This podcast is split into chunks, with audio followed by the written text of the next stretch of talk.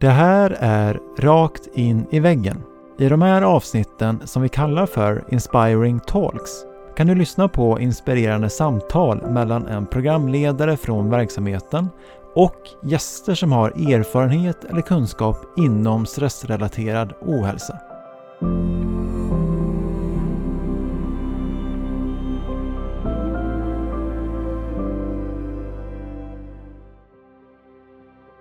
Pratar, vi pratar mycket om utmattning idag i vården som att ja, nej men det är utmattning, har man väl drabbats så är hjärnan liksom skadad och det tar, det tar många år att komma tillbaka och det är vanligt att man trillar dit igen och man får leva på det här nya sättet med att man är en liksom skörare version av sig själv och inte klarar lika mycket och så vidare. Och så vidare. Men man ska inte behöva sitta fast i en utmattning i 5, 10, 15, 20 år. Man ska inte behöva trilla dit igen och igen och igen. För gör man det, då har man inte hittat rotorsakerna.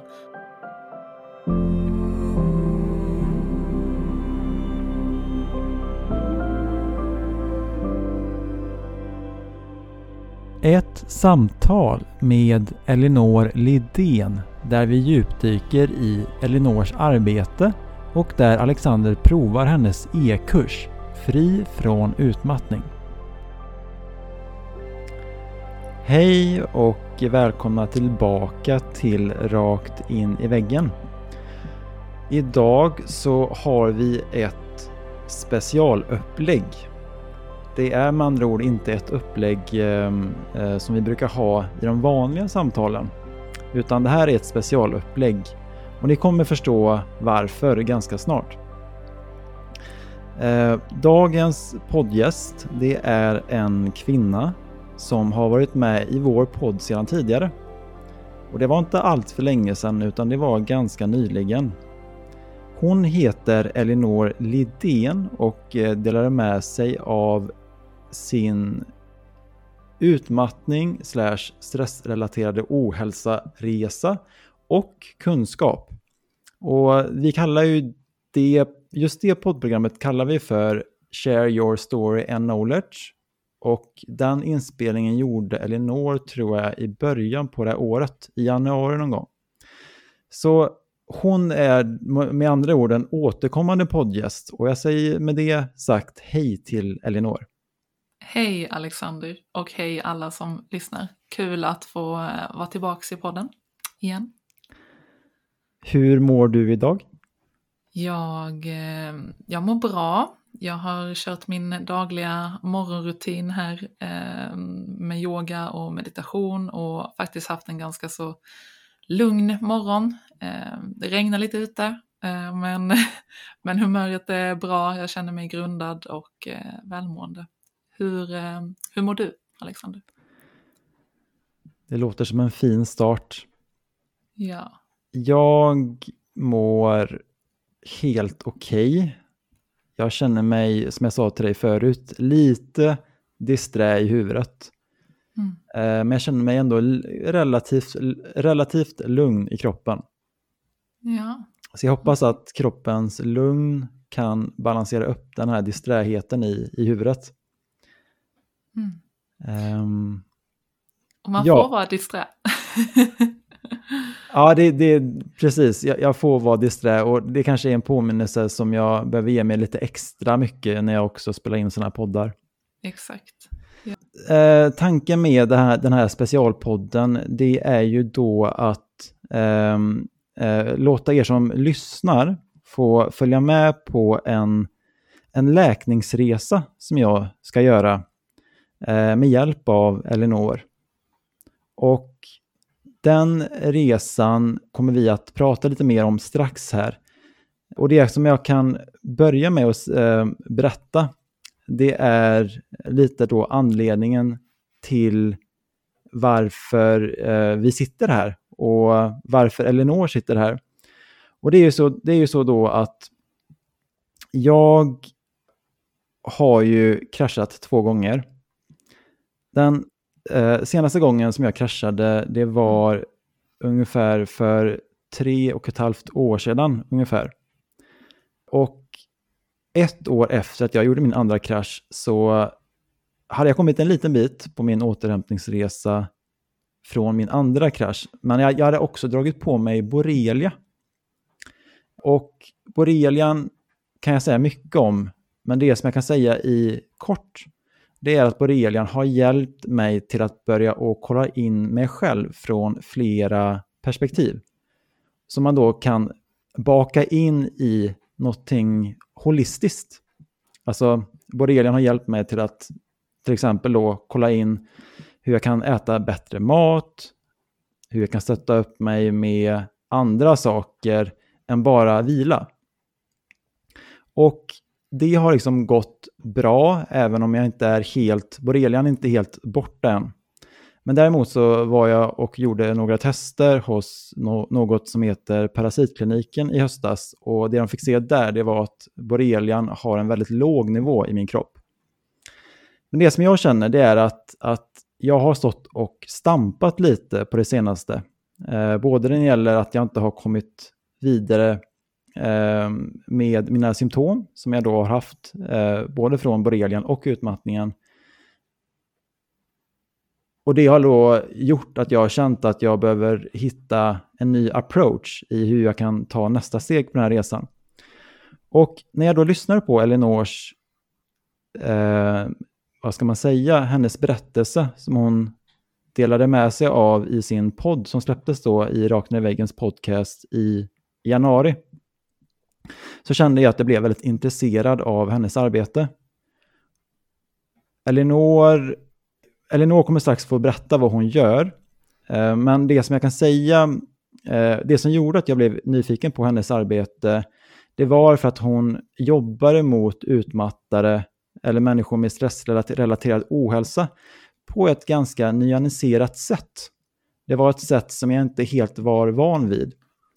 Och sen så tycker jag också att hon jobbar inte bara med mer, alltså, eh, mer traditionella metoder som att det bara handlar om stresshantering eller, um, eller ja, nu kommer inte jag på fler exempel, men hon jobbar också med um, vad ska man säga, det biologiska eller det fysiologiska. Och, och, ett exempel är ju då att hon kollar in hur man kan stötta upp kroppen utifrån aspekter som eh, virus i kroppen, bakterier i kroppen eh, och så vidare. Och sen så finns det lite fler saker som, som hon gör eh, som är väldigt så här holistiskt och heltäckande. Eh, men det gjorde i alla fall att att jag blev nyfiken på att kontakta Lenore och få hjälp av henne. Så jag tänker nu att vi, jag lämnar över pucken till Elinor här så, så kan du få berätta lite om vad du gör i ditt arbete. Mm.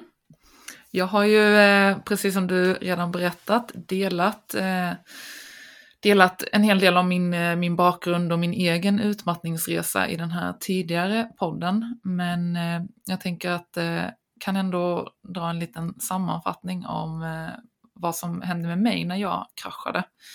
Och min stora krasch, det, den skedde 2016, så att det är ju nästan tio år sedan nu, vilket känns helt galet att tänka på. Och jag hade mycket av det här klassiska, väldigt eh, hög stress i livet, eh, pluggade vid Handelshögskolan i Stockholm, eh, väldigt högintensiv utbildning.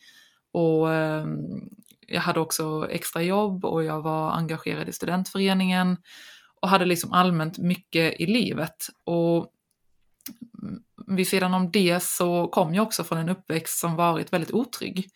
Jag eh, hade aldrig egentligen fått känna på hur det känns att, att vara trygg i, i världen, i min egen kropp och flyttade hemifrån med den känslan någonstans kvar i systemet. Men mitt sätt att hantera det var egentligen att inte hantera det utan att liksom lägga locket på och eh, istället bara dyka rakt in i det här med, med prestation och, och stress. För att någonstans så var det ganska skönt att eh, leva i det här konstanta adrenalin och dopaminpåslaget som gjorde att jag kände mig nästan hög och eh, som att ingenting kunde komma åt mig.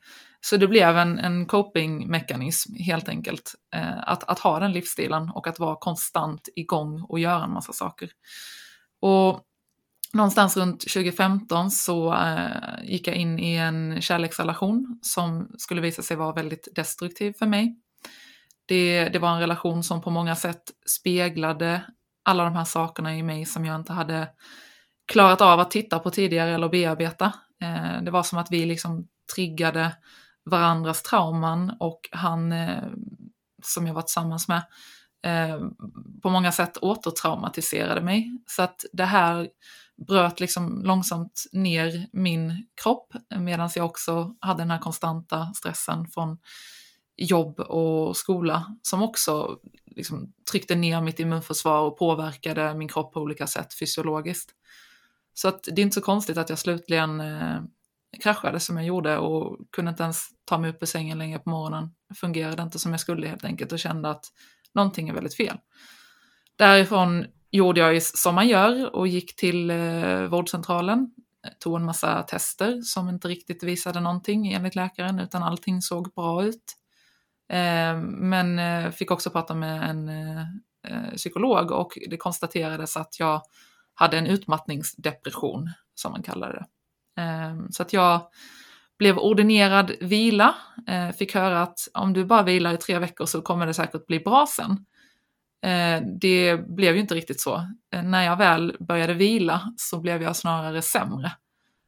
Och då var nästa steg att bli erbjuden SSRI, antidepressiva. Fick fortsätta gå hos psykologen i samtalsterapi. Men ehm, det här hjälpte inte heller mig jag eh, fortsatte att bli sämre och min kropp fick fler och fler symptom. Jag hade vid den tidpunkten extrem panikångest, eh, mycket problem med mage-tarm, eh, extrem PMS, var väldigt liksom, kände mig väldigt skakig i humöret, mycket eksem och utslag som jag aldrig hade haft problem med innan, extrem huvudvärk, smärta i kropp och leder, Eh, Eh, ja, alltså listan kan göras lång. Eh, och en väldigt påtaglig sak som jag, som jag minns var att jag hade en fruktansvärt obehaglig yrsel eh, som kunde liksom bara skölja över mig och att jag nästan fick overklighetskänslor som att jag skulle svimma eller inte visste varken ut eller in och klarade inte av att vara på liksom öppna ytor för att då var det som att det blev ett sånt obehag och den här yrseln bara snurrade till allt så jag fick liksom sätta mig ner på gatan och bara blunda eh, ibland. Så att det kändes liksom som att hela min kropp stod i brand eh, och jag försökte förmedla det här till min läkare. Och läkaren sa att nej men det är allt, det, allt det här är psykologiskt. Eh, det har med din hjärna att göra och du, du behöver vila och du behöver liksom återhämta dig och så, så kommer det bli bra. Och det lät nästan som att han trodde att jag inbillade mig. Eh, de här sakerna. Så att jag fick inte mycket hjälp därifrån ehm, och mådde ju extremt dåligt och kände jag vill inte leva så här. Eh, så jag bestämde mig för att eh, helt enkelt bli min egen läkare. Eh, och började liksom läsa en massa internationell forskning om utmattning. Eller snarare om eh, chronic fatigue syndrome, det vill säga ME. För att den här, den här diagnosen, utmattningssyndrom, det är egentligen eh, någonting som bara finns i Sverige i princip. Det finns inte riktigt i andra länder, utan där pratar man om chronic fatigue, när man pratar om svårare former av utmattning eller återkommande utmattning som inte släpper och som är där man har väldigt mycket fysiologiska kroppsliga symptom. Eh, så jag läste mer och mer om det och insåg liksom att okej, okay, det här är någonting mycket större än vad vad vi förstår i Sverige. Eh, det finns en massa saker under ytan som, som man liksom inte har fått grepp om inom, inom vården i Sverige. Och började också lära mig om österländsk medicin och liksom, så mycket som jag orkade så eh, tog jag till mig kunskap och började lägga det här pusslet liksom, med varför mår jag som jag gör, vad är det som händer i min kropp? Och där insåg jag att den här stressen som jag levt med egentligen hela mitt liv, den är liksom bara toppen av ett isberg. Och stressen i sig, den är, den är farlig för kroppen för att den bryter liksom ner immunförsvaret eh, och, och, påverkar eh, matsmältningen och liksom påverkar levern inte minst. Eh, levern måste liksom gå in och städa upp allt det här adrenalinet från blodomloppet eh, eftersom att det är toxiskt för våra vävnader. Och då förstår jag att okej, okay, men när det här händer, då aktiveras liksom underliggande saker, eller snarare så kan underliggande problem plötsligt komma upp till ytan och eh, ställa till med en massa kaos i kroppen. Eh, så jag började förstå att det här svartmöglet som jag varit utsatt för på högstadiet, eh, vi hade svartmögel i ventilerna på min skola, det fanns kvar i min kropp och blev nu väldigt problematiskt när mitt immunförsvar inte längre kunde hålla det i schack. Tidigare virusinfektioner som jag drabbats av Eh, var liksom reaktiverade aktiva i kroppen. Jag hade en inflammation i min kropp. Eh, diverse toxiner skulle kunna spela en roll i det hela.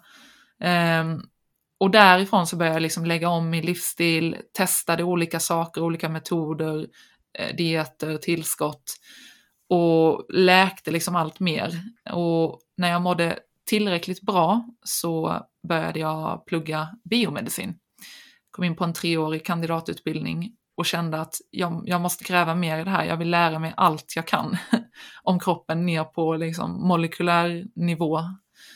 Eh, och jag fortsatte studera, fortsatte min, min egna personliga hälsoresa, tog tag i det här liksom underliggande traumat eller alla de trauman som jag inte vågat titta på.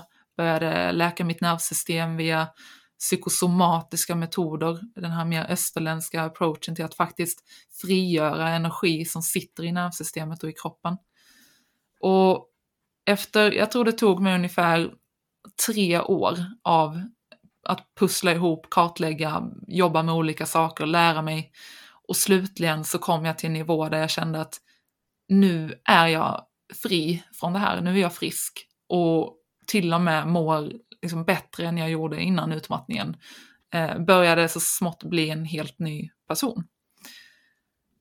Och eh, därifrån så blev det liksom mm, mitt mål att, att få, eh, få ut det här budskapet, eh, kunna hjälpa fler människor, se till så att utmattning pratas om på det här sättet eh, och att man liksom ser vad utmattning egentligen är. Så att jag sökte mig till olika funktionsmedicinska kliniker eh, och kan lite snabbt bara nämna funktionsmedicin är ju mer eh, det här sättet att behandla på där man utgår ifrån underliggande rotorsaker snarare än att bara titta på symptom och lindra symptom.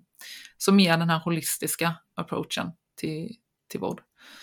Och jag började jobba på en av de största eh, funktionsmedicinska klinikerna i, i Sverige och jobbade senare även på en, en annan väldigt stor klinik inriktad på kvinnohälsa.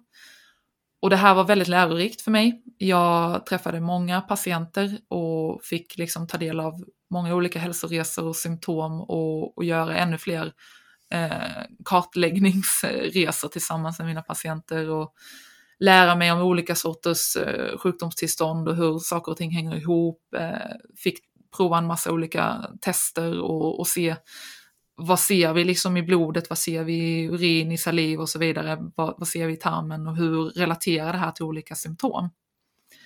Eh, lärde mig också ännu mer om de brister som verkligen finns inom den traditionella skolmedicinen som vi, som vi använder oss av i vårt vårdsystem idag. Det vill säga att man missar den här helheten och jobbar enbart med att lindra symptom, nästan maskera symptom, men man kommer inte åt det som gömmer sig under ytan. Men insåg också att det finns en hel del brister inom alternativmedicinen och även till viss del inom funktionsmedicinen, tycker jag personligen. Eh, för att även om man behandlar hela människan så, så upplever jag ofta att det är lätt att fastna i, som jag kallar det, trenddiagnoser. Eh, till exempel mm, histaminintolerans eller eh, hormonell obalans eller läckande tarm som faktiskt också är symptom på djupare underliggande faktorer som rör sig under ytan. Eh, och det är också väldigt lätt att man fastnar i de här dyra komplexa testerna och liksom små detaljer som inte egentligen är kanske helt nödvändiga för att man ska kunna komma åt och förstå rotorsakerna. Eh, jag personligen lärde mig så mycket om olika symptom och sjukdomstillstånd så att jag upplevde inte att jag behövde de här testerna som är ju jättedyra och kostar 5 till 10 000 för patienten. Ehm, utan att har man den här kunskapen om, om kroppen ner på cellnivå, har tillräckligt mycket erfarenhet av att kunna förstå och tyda symptom så är det sällan de testerna faktiskt egentligen behövs. Sen kan de ibland ge information och vara nästan intressanta, liksom roliga som komplement, men jag jobbar inte så mycket med det eh, själv, för att jag tycker det är en onödig börda rent ekonomiskt att lägga på, på patienten när patienten redan har det tufft ekonomiskt. Eh, och därifrån då så kände jag liksom att amen, jag gör inte som mest nytta på de här klinikerna för att jag ser saker som skulle kunna göras bättre och jag vill verkligen hjälpa människor på riktigt eh, och på det sätt som jag vet fungerar. Så då valde jag att eh, röra mig därifrån och eh, påbörja en egen resa, vilket så småningom eh, ledde mig fram till det jag gör nu, eh, där jag har riktat in mig på just svårare återkommande former av utmattning. Eh, för att jag ser att det är en grupp människor som, som har det väldigt svårt idag, i, i både i all, inom den alternativa världen och inom den traditionella skolmedicinska approachen. De faller liksom mellan stolarna och får inte riktigt den hjälpen de behöver. Så då föddes helt enkelt utmattningscoachen och det koncept som jag jobbar med idag. Och eh, en följdfråga till det du sa förut. Mm. Eh, vad, för du, du, nämnde att ehm, eh, vissa av de sakerna som, alltså de här trenddiagnoserna som du nämnde, yeah. att det finns då underliggande rotorsaker till dem som man kanske inte alltid lyfter upp yeah. eh, på olika ställen. Och det jag undrar då, det är om vi tar till exempel läckande tarm. Mm. Vilka rotorsaker kan finnas, finnas just till, eh, till det?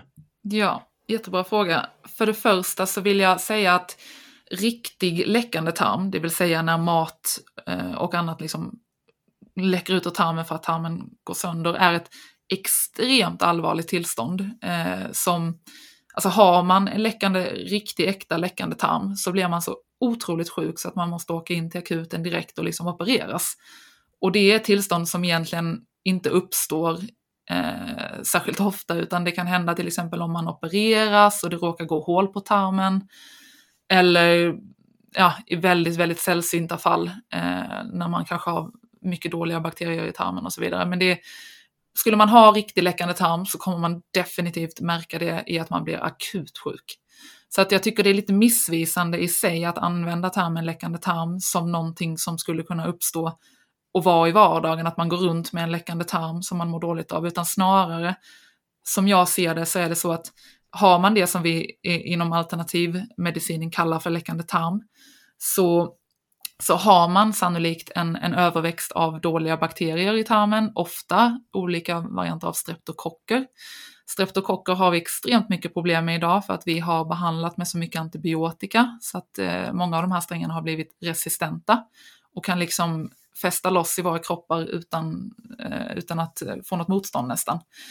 Och har man mycket streptokocker och andra dåliga bakterier, H. pylori och så vidare eh, i magetarm, och dessutom en, eh, en, en liksom överbelastad lever, vilket många människor har idag, framför allt utmattade personer, eh, på grund av att vi får i oss så mycket toxiner, kemikalier, stressar på den nivån vi gör så att levern måste städa upp adrenalinet, eh, går kanske runt med virus och så vidare.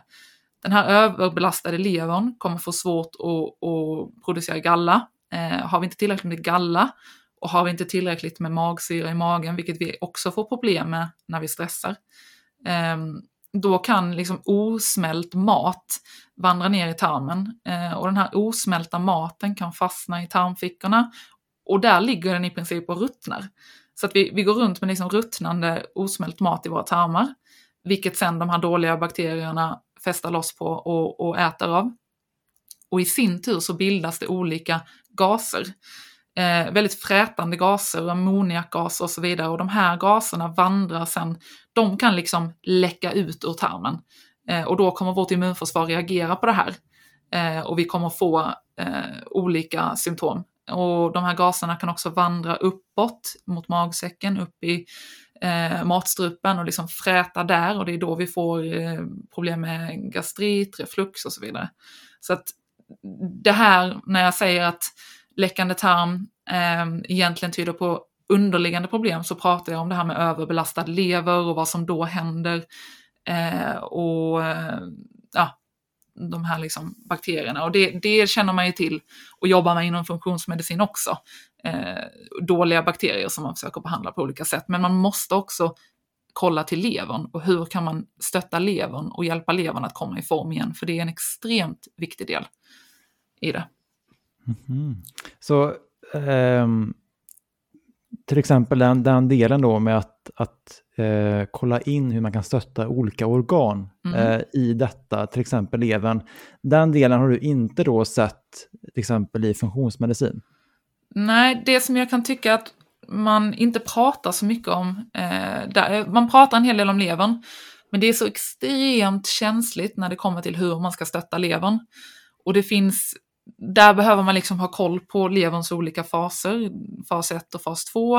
Eh, och det här kan jag prata hur mycket som helst om, vilket jag inte ska göra, för då går det för mycket tid åt det. Men lite snabbt så i fas 1 så är det liksom eh, toxiner som ska göras om till vattenlösliga så att de ska kunna lämna kroppen. Men i fas 2, som egentligen är nästan den viktigaste fasen, då binds de här gifterna upp, konjugeras, så att de faktiskt kan lämna kroppen.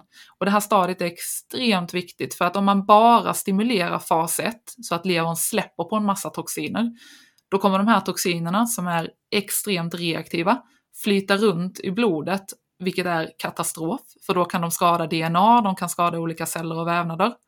Eh, och om levern eh, inte får stöttning i fas 2 och inte klarar av att binda upp toxinerna, så hamnar vi i ett ganska farligt stadie. Och det här ser jag gång på gång på gång med personer som kanske köper i god tro olika leverdetoxkurer och örtblandningar och det ena och det andra. Eh, vilket även används på många sådana här alternativa kliniker. Eh, och de här örtblandningarna kan ibland innehålla saker som framförallt stimulerar fas 1 för levern, vilket gör att det släpps ut en massa toxiner. Man mår extremt dåligt. Jag har hört om personer som kräks eh, och blir, får i princip förgiftningssymptom. Eh, många som åkt in akut för att det blir liksom den här ja, kroppen reagerar som att den är förgiftad för att det är ju gifter som rör sig i blodet som inte går att binda upp. Och då, då behöver kroppen liksom bli av med det på något sätt och då får man kanske kräkreflexen eh, eller diarré. Så istället behöver man ha ordentlig kunskap kring vilka tillskott stimulerar framför allt fas 2, också fas 1 men, men, men framför allt fas 2 så att man också kan se till att binda upp de här toxinerna och bli av med dem. Och det är väl där jag har sett lite brister. Eh, och, och även att, även om man pratar om levern så kanske jag inte tycker att man har den fulla förståelsen för hur pass viktig levern är och hur pass många av de här kroniska ohälsotillstånden som levern verkligen är inblandad i och där levern är en av de viktiga liksom, rotproblemen. Eh, och att man lägger tillräckligt mycket tid och engagemang på att verkligen jobba med levern, för det är en lång process som man behöver göra stegvis, långsamt och liksom lyssna in kroppen. Allas lever är någonstans unik och eh, vissa personer har lite känsligare lever där det liksom, man behöver jobba mycket mer försiktigt med det här eh, medan andra kan jobba på lite snabbare. Så att det är en hel vetenskap som vi inte ens, eh, vi vet inte ens idag skulle jag säga rent, eh, eh rent vetenskapligt hur mycket levern faktiskt gör för oss och hur många processer den är inblandad i och hur många utav oss människor som går runt med en stackars överbelastad lever. Så det man kan säga då kortfattat, det är att eh, det finns, det, det finns eh, många funktionsmedicinkliniker som gör ett väldigt bra arbete eh, i Sverige och i världen. Ja. Eh, och, jag, och, jag, har ju fått höra från min läkare Anja Beno att hon har nämnt väldigt många personer som har blivit väldigt bra väldigt fort eh, när de har kommit till olika eh, funktionsmedicinkliniker. Mm. Men det finns fler saker att kolla in eh, och där har ju då Elinor upptäckt eh, perspektiv som kan göra att man får en ännu bredare bild av hur man kan behandla till exempel människor med svårare och återkommande UMS. Alltså utmattningssyndrom då. Och det här leder ju oss in till nästa fråga. För det är ju så att eh, jag också blir lite nyfiken på ditt eh, arbete, eh, förutom det du har nämnt. Och vi har ju pratat lite tidigare, du och jag, Elinor, eh, innan den här inspelningen. Och då vet jag då att du, eh, om man då tar till exempel en funktionsmedicinklinik, eh, så gör ju de väldigt många tester. Jag vet när jag intervjuade Peter Martin, eh, som då är, är grundare till FunMed, så tror jag att han eh, nämnde att de tar, om det är ungefär 300 tester, något sånt där på en eh, patient som kommer in. Och jag vet ju att du inte jobbar lik, du jobbar inte med eh, du jobbar inte med tester på det sättet som de gör just nu, utan du har en liten annan approach. Mm. Skulle du vilja berätta lite om hur du jobbar? Din fråga var ju hur jag jobbar med mina klienter idag eh, utifrån att jag inte använder det här upplägget med liksom, olika tester. Och eh, kan väl börja med att säga att det första steget, eh, om, man vill liksom, om vi nu pratar om just utmattning, eh, det är ju att göra den här kartläggningen och liksom börja förstå sina rotorsaker. Och där kan man ju välja att jobba med olika tester. Det finns till exempel tester man kan man kan ta till för att se om man har aktivt eh, virus-DNA i kroppen. Eh, det finns tester man kan ta för att se, har jag streptokocker? Eh, och så vidare. Man kan, man, kan, man kan testa mycket, man kan kolla i saliv, urin och blod för att se eh, på ett ungefär hur levern verkar funka. Men det jag, så som jag jobbar så är jag så pass tränad i att, eh, att läsa av och tyda symptom. Så att eh, jag gör en initial kartläggning med mina klienter där jag utgår ifrån bakgrund och eh, symptombild helt enkelt. Eh, så att då tittar man på egentligen hela livet tillbaka. Vad har jag varit med om i mitt liv? Kan jag minnas att jag har drabbats av till exempel körtelfeber? Eh, hade jag vattkroppen när jag var liten? Eh, etc. Etc. Eh, har jag haft mycket problem med till exempel urinvägsinfektioner eller bihåleinflammationer eller har jag en IBS och SIBO-problematik, alltså har jag mycket problem med mag-tarmbesvär. Eh, och utifrån det så kan jag säga att med väldigt stor säkerhet att då har du förmodligen XYZ eh, rotproblem. Och den här kartläggningen, kartläggningen, den gör jag antingen via coachingsamtal, eh, där det blir liksom den här mer personliga kontakten med klienten, eller så kan man välja att gå någon av mina e-kurser. Och framförallt eh, min stora kurs som jag kallar Fri från utmattning. Och då gör man egentligen den här kartläggningen på egen hand i kursen utifrån eh, en föreläsning som är förinspelad och vissa verktyg som jag satt ihop i kursen. Sen kan man också välja att eh, initialt börja med ett gratis introsamtal eh, på ungefär 20-30 minuter där jag kan göra den här kartläggningen tillsammans med, eh, med personen då. Och vi kan gå igenom bakgrund, vad hände innan du blev utmattad, vad hände när du blev utmattad, vad har du för symptom idag och så vidare. Och, och här, ja. och, och, bara för att flika in här, du ska mm. strax få fortsätta och berätta. Det är ju så att, eh, eh, som jag sa förut, så eh, ska ju då Elinor guida mig under några månader med, med hennes perspektiv på min läkningsresa. Och eh, det som jag då har gjort, jag kommer ju inte få coaching, eh, direkt coaching med, eh, av Elinor, utan jag kommer få testa Elinors eh, kurs då, e-kurs, fri från utmattning. Och det som jag då har gjort innan den kursen startar, den startar då i första mars och vi kommer prata lite mer om den snart, eh, det är att jag har fyllt i en hälsodeklaration inför det här samtalet, men också inför starten av den här eh, e-kursen. Och vi kommer prata lite längre fram om det, men bara så att ni vet vilken väg jag kommer testa i Elinors arbete. Ja, bra att du flikar in med det. Och som du säger, vi kommer gå in lite mer på det eh, strax. Um, men eh, jag kan också nämna lite snabbt, vilket jag också pratade om i det här tidigare eh, poddavsnittet som jag var med i eh, i januari där, så där kan man ju gå in och lyssna om man vill ha lite mer, eh, lite mer information om det här. Men jag, eh, jag jobbar mycket när jag gör den här kartläggningen utifrån eh, ett par olika modeller som jag har tagit fram eh, på, när jag var på min egen resa och när jag har jobbat med det här genom åren. Den ena kallar jag för utmattningsekvationen och då tittar vi liksom inte bara, för att det klassiska när man pratar om utmattning inom vården, det är att man tittar på psykologiska stressorer och framförallt ofta jobbstress och arbetsmiljö. Eh, men kanske även liksom emotionella stressorer som finns i livet, en, en, en krävande relation till exempel.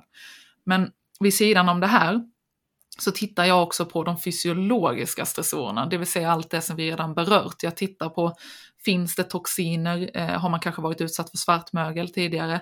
Eh, vilka eventuella virus finns i kroppen? Vad finns det för symptom som kan relatera till det? Eh, har man varit utsatt för, man kanske har ett jobb där man utsätts för mycket kemikalier eller eh, dricker vatten från egen brunn och får i sig toxisk, eh, toxiska nivåer av kanske koppar eller järn eller någon form av annan tungmetall och så vidare. Så att jag, jag adderar liksom, jag tittar på både psykologiska och fysiologiska stressorer och jag tittar även på uppväxtfaktorer. Hur såg det ut när du växte upp? Kan det vara så att du har med dig stress Ehm, i bagaget som sitter i nervsystemet, sitter i kroppen så att du har en, en eventuell liksom, låggradig men konstant triggning av ditt nervsystem.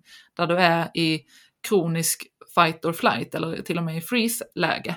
Ehm, för då behöver man liksom börja luckra upp det här och börja träna kroppen på att vara mer i det parasympatiska, lugna, återhämtande läget för att man ens ska kunna läka.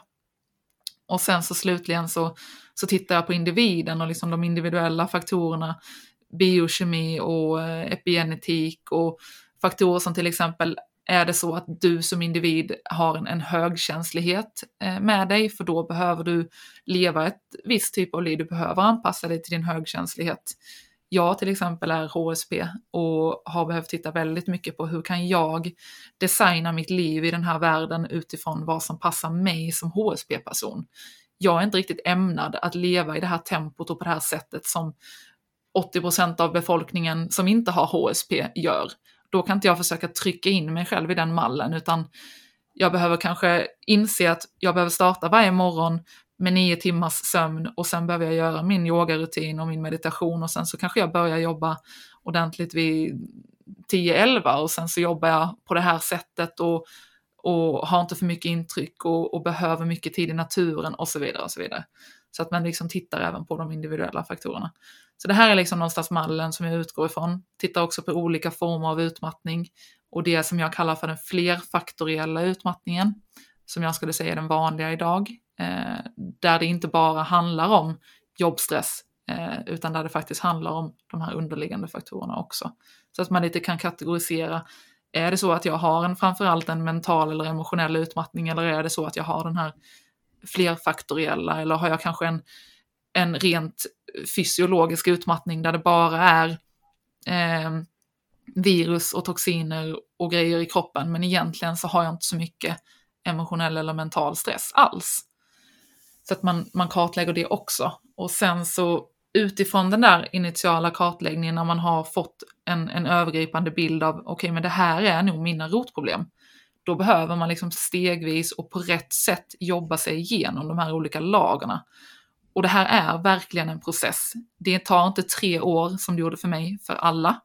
Det beror på hur mycket bagage man har, hur länge man varit sjuk, vilken liksom cocktail av olika saker som rör sig under ytan. Men, men det går väldigt sällan att bli helt frisk på liksom tre månader. Eh, det har hänt med ett par av mina klienter, men det är väldigt ovanligt. Jag skulle säga att det vanligaste är att det tar någonstans mellan 6 till 36 månader att verkligen komma ur sin utmattning och bli hållbart frisk. Och en stor del av det här är ju också som sagt att, eh, att börja någonstans i nervsystemet och börja med att komma in i en parasympatisk aktivering för att man ens ska kunna läka. För kroppen kan inte läka när den är i konstant sympatisk aktivering. Och eh, mina mina kurser och min coachning bygger på som sagt de här heltäckande metoderna. Eh, och jag brukar säga att utmattning är så mycket mer än en trött hjärna i kemisk obalans. Det är någonstans mitt, mitt liksom mantra. Eh, och där jag skiljer mig mycket från hur man pratar om utmattning i vården. Eh, för att det berör liksom hela kroppen. Och det här som jag pratat om, framför allt att förstå effekterna av stress på hela kroppen. Stressen påverkar inte bara hjärnan utan det påverkar alla våra organ, inte minst lever och immunförsvar. Eh, kan också säga det att, vilket är ganska intressant, Eh, när vi pratar om levern och till exempel fettlever, som är ett ganska allvarligt tillstånd, då tänker man framförallt inom vanliga vården eh, så tänker man nästan bara på alkoholpåverkan och att det skulle vara en person som dricker för mycket som hamnar där. Men eh, jag har sett ett antal gånger nu med klienter som går hos mig att man är på väg mot fettlever bara av stress och eh, kanske kopplat med då belastning av virus, bakterier och toxiner. Så att det här är liksom, jag tycker det är viktigt att bara lyfta det. Eh, och att eh, det är mycket de här grundfaktorerna eh, som jag utgår ifrån. Eh, det kan också vara dålig kost som är en sån här fysiologisk stressor som kan ligga till grund för eh, att levern och hela kroppen till slut blir överbelastad. Och ja, hade du en fråga? Nej, det som jag, eh, det som jag kan flika in med här, mm. det är att, för det som är lite, kan vara lite lurigt med utmattningssyndrom, om vi tar den diagnosen, mm. det är att, att om vi har tio personer som har den diagnosen utmattningssyndrom mm. så kan det finnas kanske, det kanske är en unik, inte bara en, men flera unika orsaker till varje persons insjuknande. Ja. Alltså jag, det är som du säger att eh, i, i, en av fallen så, eh, så kanske det handlar om till exempel tungmetaller, kemikalier, kost. Mm. Och I ett annat fall så handlar det om eh, Eh, där kanske det handlar mer om att andra saker. Mm. Eh, och om jag bara tar mig själv till exempel så när jag kraschade första gången då gjorde inte jag så jättemånga saker. Eh, alltså det, det som jag använde då, det var ju egentligen att vila mig frisk. Mm. Och det funkade just där då, för jag blev ju bättre och bättre när jag bara vilade och kanske lärde mig lite om sömn, mm. lärde mig lite om hur, hur jag kunde hantera mina mina, min stress eh, och, och, kanske mina känslor. Jag gick lite kurser här och var. Mm. Eh, introduceras för med, meditation, yoga. Och jag upplever att i många fall så, så är det här, det liknar lite mer den här vanliga traditionella vägen i hur man ska läka från, från, från utmattning. Mm. Man kanske också går ut och hänger lite mer i naturen eller försöker få igång den fysiska aktiviteten. Mm. Så att där och då kände jag att jag mådde ju bättre och bättre. Mm. Eh, det som gjorde att jag liksom eh, kraschade igen, det var ju för att jag fick se att det fanns en del, eh, vad ska man säga, akilleshäl mm. i några av mina relationer. Mm. Bland annat så kunde jag se att jag var väldigt, var väldigt bra på att ta liksom eh, allt ansvar eh, i, i mina vänskapsrelationer när de mådde dåligt, till exempel. Mm. Jag kan också se att när jag väl började jobba, började jobba på min gamla arbetsplats så, så såg jag att det fanns någon del i mig som sökte mycket eh, jag ville liksom visa min duktiga sida i arbetet. Ja. Och, det gjorde, och det gjorde att jag pressade mig ganska hårt. Mm. Och det där var ju två tydliga faktorer för varför jag kraschade. Eh, kraschade. Mm. Igen då. Och det som jag tänker där det är att ja, jag blev ju bättre när jag bara vilade. Mm. Men det kanske fanns vissa saker i, under ytan som jag inte såg. Mm. Som kanske gjorde också att jag eh, kraschade igen. Yeah. Och det kanske är så att det kanske fanns en del, vem vet, tungmetaller eller virus eller bakterier som påverkade. Mm. Men att min kropp kunde fortfarande bli bättre även fast det kanske fanns i min kropp. Ja.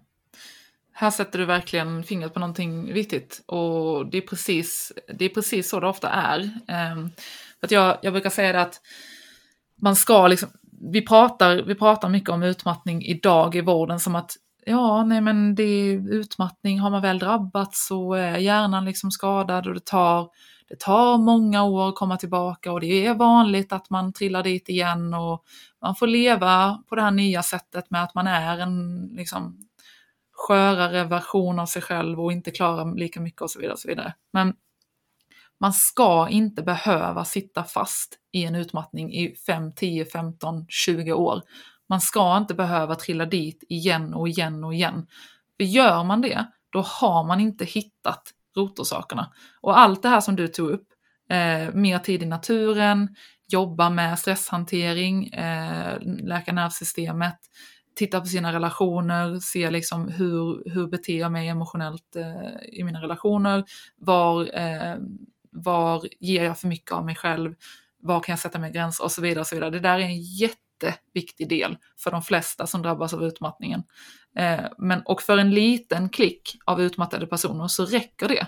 Och då är det den här mer liksom, klassiska, bara mentala, emotionella utmattningen den i sig ger också fysiologiska obalanser i kroppen efter ett tag, eftersom att stress påverkar vår kropp negativt. Men för vissa människor så räcker det liksom med vila, eh, kanske städa upp kosten lite, stötta systemet för att sen börja självläka och komma tillbaks. Eh, men merparten, skulle jag verkligen säga, majoriteten av de som jag träffar och som jag hör om idag, har flera av de här underliggande sakerna som rör sig eh, under ytan. Och då kan det vara precis som du säger att har man kanske inte eh, en av de mer aggressiva virusvarianterna, eh, kanske inte har jättemycket problem med bakterier, kanske inte har eh, supermycket build-up av toxiner och tungmetaller i systemet, då kanske man kan uppleva att man faktiskt blir eh, frisk eh, första kraschen som du gjorde. Men börjar man sen stressa igen och liksom fortsätter och hamnar i någon slags, man kanske hamnar i en liten kris emotionellt eller mentalt, då kan man trilla dit ordentligt igen och då kanske det har kommit till en nivå Eh, där till exempel ett underliggande virus kan få ytterligare starkare fäste, vandra in i nervsystemet och inflammera på en djupare nivå. Eller så kanske man har utsatts för fler bakterier, toxiner, något nytt virus och, och så kan det bli en allvarligare krasch den gången. Och går det då inte att vila sig ifrån det, eh, då, då är det en signal på att okej, okay, här ligger någonting mer. Det är exakt det där som är eh, det tydliga. Liksom. Hjälper det inte med vila, återhämtning eh, och till exempel få ordning på sömnen, kanske ta under en period SSRI, jag brukar inte rekommendera det eh, eftersom det är så många som fastnar i det och stannar på den medicinen i 15, 20, 30 år livet ut och det leder till en massa obalanser. Men ibland behövs SSRI och är bra tillfälligt. Eh, men hjälper inte de här sakerna, utan att man som jag märker att jag mår fortfarande inte bra, jag känner mig inte frisk, det är fortfarande saker i kroppen. Då är det ett tecken på att man har en flerfaktoriell utmattning. Det är saker under ytan man behöver komma åt. Så det var bra att du lyfte det. Ja, och jag vet att min eh, läkare Anja Beno, som också har varit med i en tidigare Inspiring Talks, alltså i ett samtal, mm. hon, eh, har, hon jobbar på stressmottagningen i Göteborg här. Och en sak som hon då har sett i sin forskning och i sina möten med utmattade personer, det är att det finns inget enkelt svar för hur man ska läka eh, varje patient, utan varje persons läkningsresa eller återhämtningsresa är unik. Mm. Eh, men det som jag tycker eh, att Elinor lyfter, som jag inte har sett ehm, överallt annars, det är, och då tänker jag här om, om vi kanske då, eh, ja men säg att vi delar in vår holistiska hälsa i tio tårtbitar. Mm. Så kanske det finns tre tårtbitar som, eh, som den här vården då i Sverige kanske pratar om. Och det skulle kanske kunna vara fysisk aktivitet, eh, det andra kan vara Eh, relationer och vänner, för det är också en viktig del när man börjar må lite bättre. Det kanske är framförallt vila. Så om jag skulle ta det i någon ordning så kanske det är först vila, gå hem och vila. Mm. Sen är det rör på dig, gå ut och gå en promenad eh, och gör det regelbundet. Ät bra mat, kanske en tredje. Eh, och den fjärde, det skulle kunna vara sömn eller avslappningsmetoder eller sån här eh, yoga, meditation, alltså det som jag nämnde lite förut. Men sen så kanske det finns sex tårtbitar till som kan hjälpa dig till att må bättre. Mm. Eh, som vi inte kollar in så mycket här i Sverige.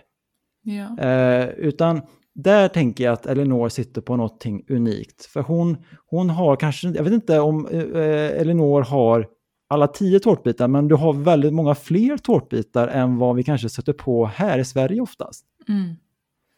Ehm, och det är de här andra tårtbitarna som vi inte alltid ser eh, här i Sverige som då vi kan bli introducerade till via Elinor, tänker jag.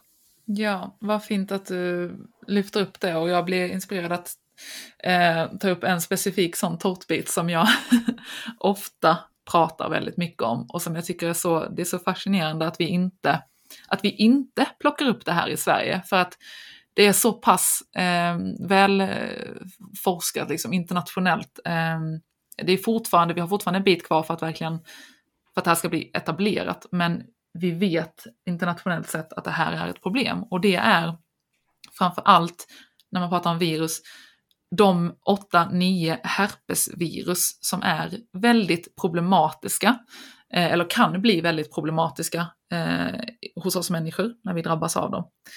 Eh, och det här är också ett stort ämne som jag bara vill näm- nämna lite snabbt. Eh, för att det som vi har sett och som vi vet idag rent eh, vetenskapligt, det är att eh, Eh, utöver de här klassiska herpes simplex 1 och 2 som ger de här blåsorna, eh, könsherpes eller munherpes, så finns det då andra herpesvirus som eh, till exempel ger körtelfeber, Epstein-Barr-viruset, eller det här varicella zoster som ger eh, vattkoppor och som också kan ge bältros senare i livet, eh, cytomegalo och några andra. Och de här virusen, de är väldigt speciella på det sättet att när vi väl infekteras av dem så, eh, så stannar de liksom i kroppen. Eh, men oftast så tar immunförsvaret hand om det efter primärinfektionen. Man får en, det blossar upp liksom symptom, man har en infektion eh, som är aktiv och sen så lägger sig ofta de här virusen vilande i cellerna och där ligger de liksom ganska stadigt, latent och ställer inte till med så mycket problem. Och det är ju det optimala, det är så vi vill ha det. Men vi vet också inom forskningen, det här är liksom kon konstaterat vetenskapligt, att de här virusen kan reaktiveras. Det vill säga de går från sitt vilande stadie till ett aktivt stadie senare. Och detta kan hända årtionden efter att man först drabbades. Så vi kan alltså drabbas av till exempel körtelfeber när vi är barn. Sen kan vi gå genom livet och inte märka av det här för det ligger latent. Och plötsligt en dag när vi är ja, 30, 35, 40, äldre i alla fall, så eh, kanske vi råkar ut för en livskris eller vi har jättemycket stress eh, och vi har samlat på oss en hel del liksom, toxiner, andra virus och bakterier. Våra kroppar är trötta. Det är mycket som händer där inne. Vår lever är trött, vårt immunförsvar är nedtryckt. Då plötsligt, pang, kan det här viruset reaktiveras igen och bli aktivt i kroppen igen.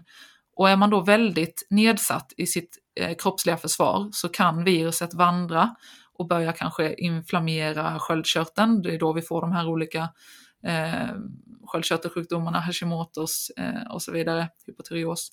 Det kan sätta sig i levern, det kan vandra till nervsystemet eh, och då får man svårare utmattning, man kan få autoimmuna sjukdomar och så vidare. Det finns hur mycket forskning som helst på det här. Men i Sverige så pratar vi aldrig om virus på det här sättet. Och ME-diagnosen, den ska ju ofta föregås av en virusinfektion för att vi förstår i alla fall att ME har ofta med virus att göra. Men det vi inte förstår i Sverige det är att du måste inte ha drabbats av ett virus precis innan du får din ME-diagnos. Utan det kan vara virus från barndomen som reaktiveras innan du får din ME-diagnos och reaktiveringen syns liksom inte på ytan. Och det är det här som blir problematiskt. Så att jag ville liksom bara flika in med det att det är en extremt viktig tårtbit som eh, missas fullständigt i vården idag, men som är jätterelevant för många som framförallt lider av en eh, en svårare form av utmattning eller en utmattning som liksom återkommer eller att, där man aldrig blir eh, helt fri, där man har vissa fysiologiska symptom. Och är virus då, eh, för om virus då blir oupptäckta virus kanske vi kan kalla det för, mm. Eh, om det då är en, en tårtbit som ligger utanför det svenska traditionella, eh, är det här någonting som du har fått inspiration från, från biomedicin eller är det österländsk medicin? Mm, jag skulle vilja säga att det är både och, men det, det började faktiskt när jag var, oh, vad var jag? Jag var väl nog bara tio år. För då drabbades min mamma av en autoimmun sjukdom. Eh, och jag blev jätterädd, eh, blev rädd att jag skulle förlora henne eh, och började liksom redan som tioåring försöka ta reda på var, var kommer den här sjukdomen ifrån. Eh, och redan då började jag liksom sätta mig in i den kunskap som, som fanns. Och sen har det här hängt med mig genom livet, att jag har varit väldigt fascinerad av autoimmuna sjukdomar, för jag tror inte riktigt på konceptet att kroppen bara plötsligt attackerar sig själv helt utan anledning. Och i takt med att jag blev äldre så började jag läsa mer och mer avancerad forskning. Eh, och när jag sen började plugga biomedicin så valde jag att skriva min uppsats om, eh, om Epstein-Barr-viruset eh, och den här specifika autoimmuna sjukdomen som min mamma har. Multipel skleros är det. Eh, och jag kontaktade då en forskare på Karolinska institutet som forskat på det här viruset i 30 år, men då i relation till cancer. Och hon och jag hade en väldigt intressant diskussion där jag sa att eh, forskningen, forskningen har ju tydligt kopplat ihop autoimmunitet med virus och framförallt Epstein-Barr.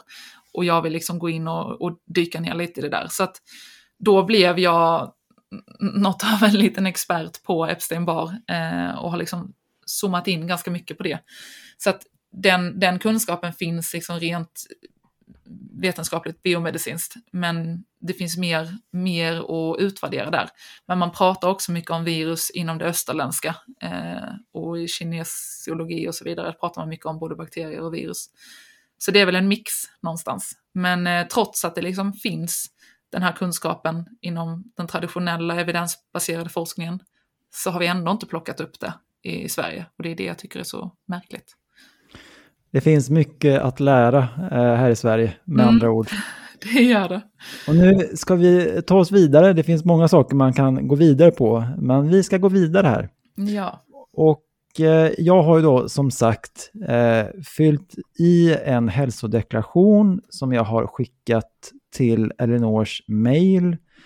Där har hon då gått igenom min hälsodeklaration och hon har sett vissa saker eh, som hon alldeles strax ska få eh, berätta.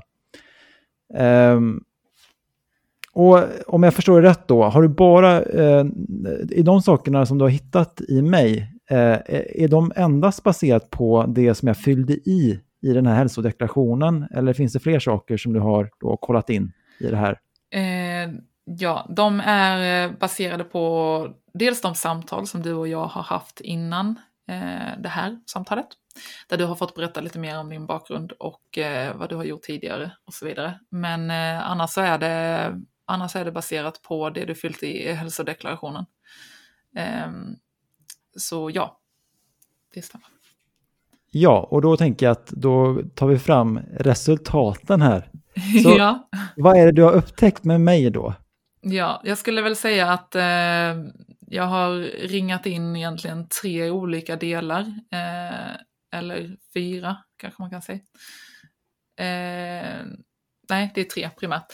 Och vi, du och jag har ju pratat lite om innan eh, att du har, eh, du har varit en person som har jobbat hårt och mycket och liksom haft eh, eh, också till viss del det här med prestationer liksom, har varit eh, ett tema i ditt liv. Eh, så att jag jag har ju först och främst eh, ringat in det här just med att det har funnits en hel del, det har funnits stress i ditt liv, även som du själv nämnde innan, kopplat till dina relationer och kanske någonstans ett underliggande adrenalinberoende. Det här, det här satte jag som ett litet frågetecken på för att jag ville kolla lite med dig också.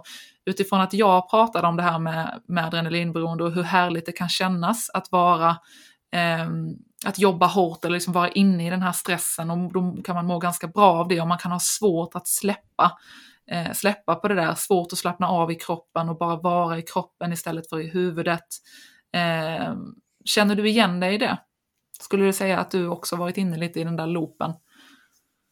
Jag kan börja med att säga att just eh, beskrivningen, adrenalinberoende, mm. den är lite ny för mig. Mm. Eh, men jag är bekant med andra beroenden. Mm. Ett beroende som jag tror mig ha, det är ju då att jag kanske har ett arbetsberoende, även om det yeah. har blivit lite bättre senaste tiden.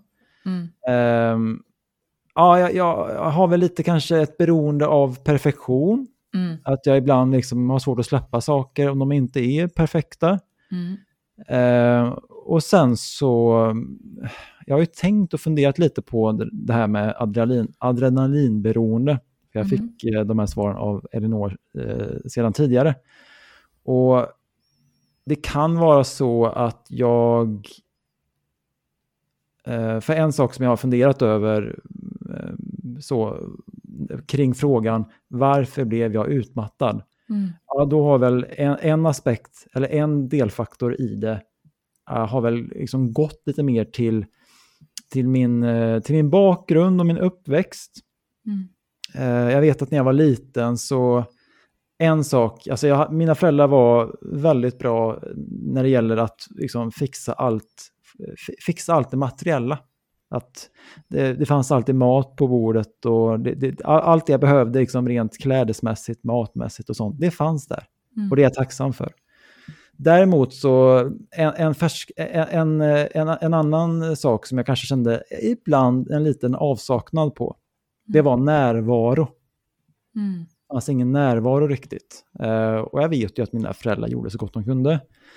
Men det som jag märkte med mig själv, det var väl att, att när jag inte fick närvaro så försökte jag uh, hitta bekräftelse, om man då ser att det finns någon form av bekräftelse genom att, genom att bli sedd av andra.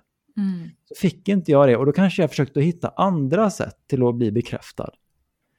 Ett sätt kanske var att jag försökte att, göra rent i hemmet innan mamma och pappa kom hem så att de kunde säga till mig när jag kom hem, men vad duktig du har varit Alexander som har gjort rent här.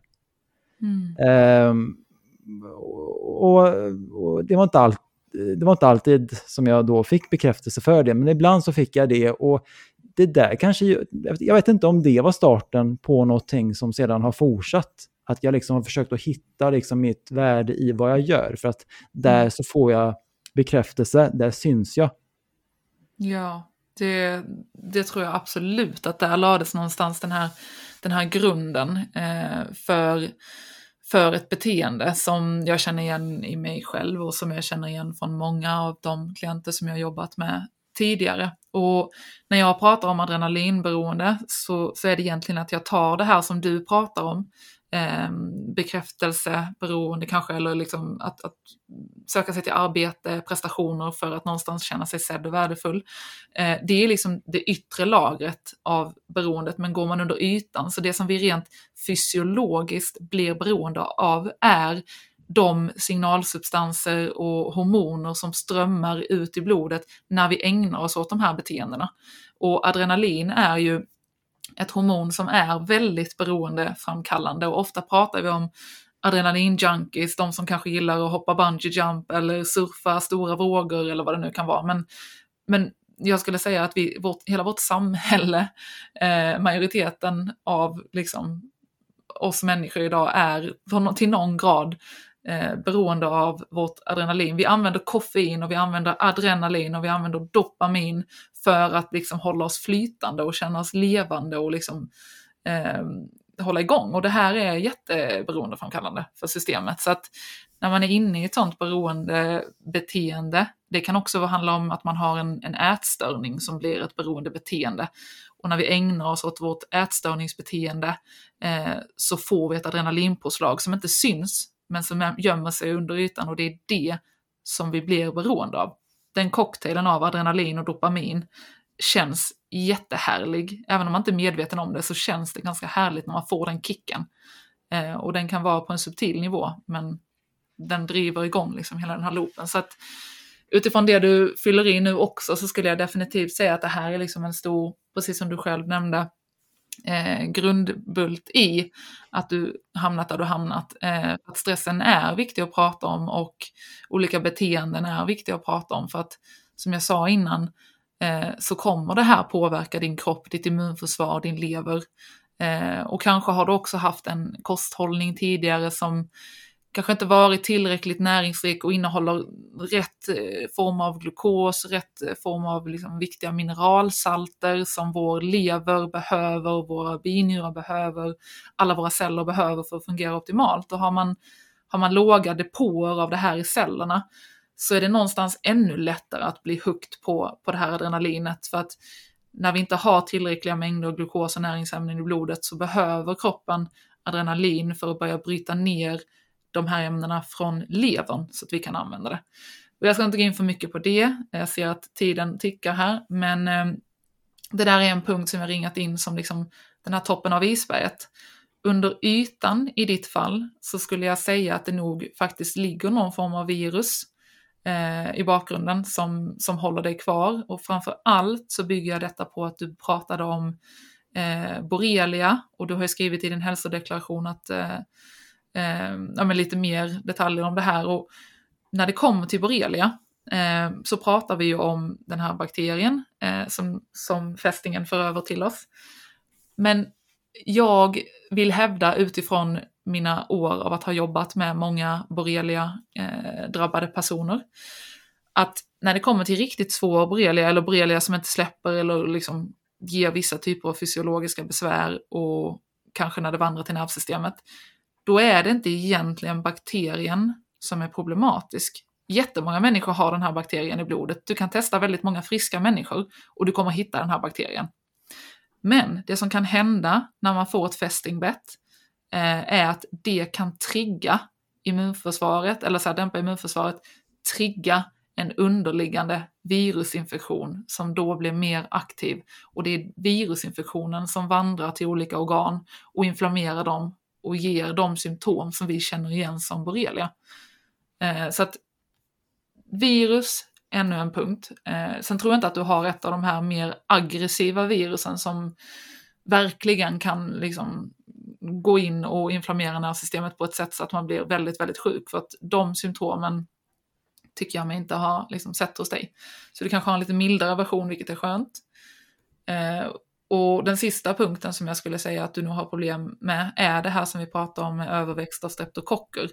Du har skrivit i din hälsodeklaration att du har haft en del problem med magen, eh, att du har haft liksom eksem och, och finnar eh, i hårbotten och just när det kommer till eh, akne eh, och den typen av utslag så eh, är det ofta kopplat med streptokocker har jag sett eh, genom de här åren när jag har jobbat med, med klienter och patienter och även då besvär liknande SIBO, IBS. Så du har lite de här sakerna. Det finns säkert också eh, toxiska ämnen, tungmetaller som är med i bilden, för det har vi alla i systemet.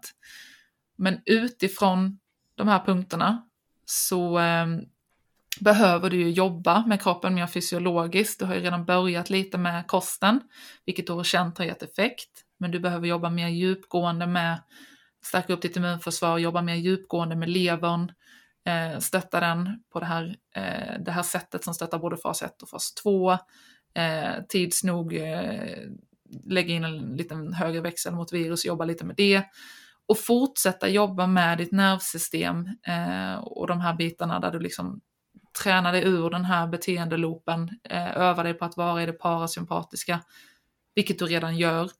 Eh, och därför så, som du redan nämnde innan, så tror jag att den här kursen Fri från utmattning är eh, väldigt aktuell för dig, för då får du helheten. Och du jobbar i din egen takt från din dator.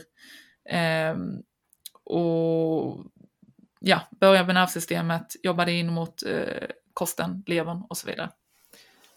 Eh, kursen, e-kursen Fri från utmattning, den håller på i 12 veckor och jag kommer då att eh, påbörja den i början på mars och avsluta den i slutet på maj. Sen så kommer eh, vi ha en uppföljningspodd, jag och Elinor, där vi går igenom hur det har gått eh, och den podden släpps då i juni någon gång. Och sen så kommer vi också kanske ha en incheckningspodd någonstans i mitten av mars och juni. Vi får se om den släpps eller inte, men vi uppdaterar er. Mm. Ja, precis. Jag vill bara snabbt flika in att man blir ju inte frisk på de här 12 veckorna. Eh, men eh, man, man får ju, som man går kursen då alltså, men man får ju alla verktygen som man sen ska jobba vidare med. Så det blir intressant att se hur långt du har kommit och hur, hur ditt mående potentiellt har förändrats efter 12 veckor. Men eh, så att du eller alla som lyssnar inte förväntar sig att på 12 veckor ska man sen vara fri från allt det här, utan det är ju en process som tar sin lilla tid. Det är en process, men eh, förhoppningsvis så kanske det eh, finns vissa hälsofördelar som man kan se efter tre månader. Vi får se. Ja, det brukar vara så. men vi kommer, i alla fall, eh, vi kommer i alla fall att följa upp detta med en ny podd där ni kommer få reda på hur har det gått egentligen för Alexander mm. med Elinor. Ja. En fråga som jag har här innan vi ska eh, avrunda och säga hej då. Det mm. är förutom den kursen som jag ska göra på 12 veckor som heter då Fri från utmattning. Vilka fler kurser erbjuder du?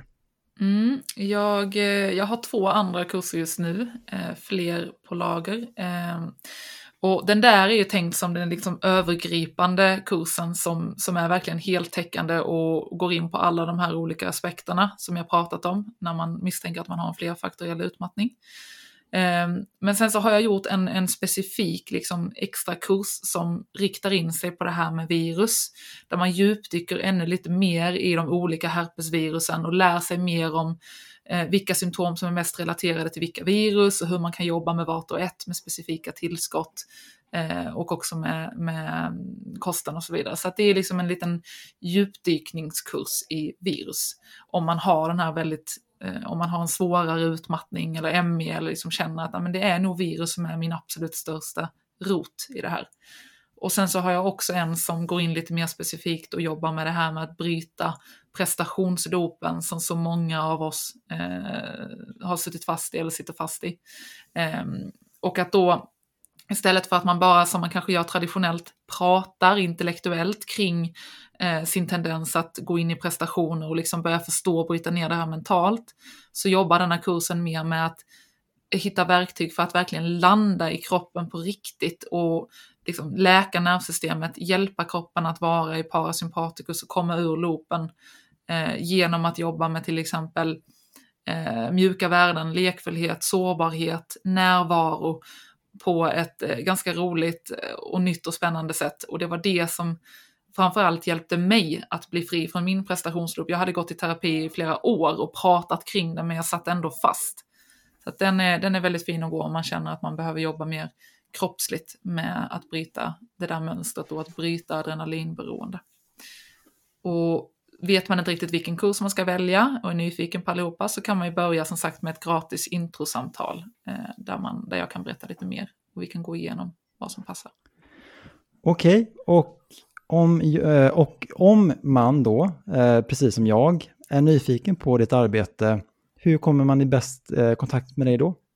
Ja, jag skulle säga att det är nästan enklast att nå mig via mitt Instagramkonto där jag heter utmattningscoachen eh, skicka ett meddelande där. Eller så kan man skicka mig ett mail på kontakt utmattningscoachen.se. Lysande. Tack för det. Då tänker jag att vi sammanfattar den här podden innan vi säger hej då. Eh, och mm. om jag då ska försöka att knyta ihop säcken så skulle jag vilja säga att i den här podden idag så har vi då eh, introducerat er som lyssnar till liksom en ny eh, variant podd som vi inte har släppt riktigt eh, tidigare på samma sätt.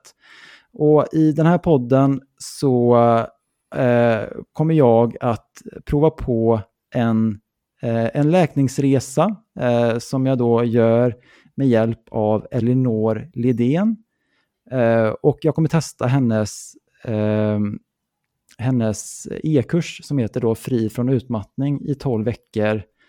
Eh, och förutom att, förutom att jag då har, eh, kommer, kommer testa den här eh, e-kursen på 12 veckor och att vi sedan då följer upp det arbetet och det som jag har upplevt på min, i den här läkningsresan i en uppföljningspodd, så har ni också fått lite mer information om eh, vad Elinor gör i sitt arbete och hur hon jobbar. Mm. Precis, det var en jättebra sammanfattning. Tack. Men då eh, vill jag tacka dig som eh, har eventuellt lyssnat ända hit för att du har lyssnat eh, och hoppas att det fanns någonting som jag, som Elinor eller som jag har pratat om som du känner har eh, varit värdefullt eller givande för dig. Och är det så att du, precis som mig, känner att ja, men jag blir jättenyfiken på det som Elinor gör, eh, alltså hennes arbete, ja, men kontakta henne då så kanske du också kan få eh, komma igång med någon coaching eller e-kurs, precis som jag ska göra. Ja, och tack så jättemycket för att jag fick vara med igen i denna fantastiska podd. Jag hoppas precis som du att det här har varit givande för eh, ni som lyssnar och jag hoppas att det kommer att bli givande för dig, Alexander. Då tackar vi eh, Elinor för att hon har, har varit med och sen så kommer vi tillbaka igen, jag och Elinor, eh, senast i juni, men kanske i en incheckningspodd där någonstans emellan. Ja, det gör vi. Tack för att du har lyssnat. Tack för idag. Vill du också medverka i Rakt in i väggens podcast? Besök vår hemsida för mer information på www.raktinivaggen.com medverkan. Om du vill tipsa oss om en poddgäst eller om du har en fråga eller synpunkt på det vi gör kan du alltid mejla oss på podcast raktinivaggen.com för att få svar. Tack för att du lyssnar.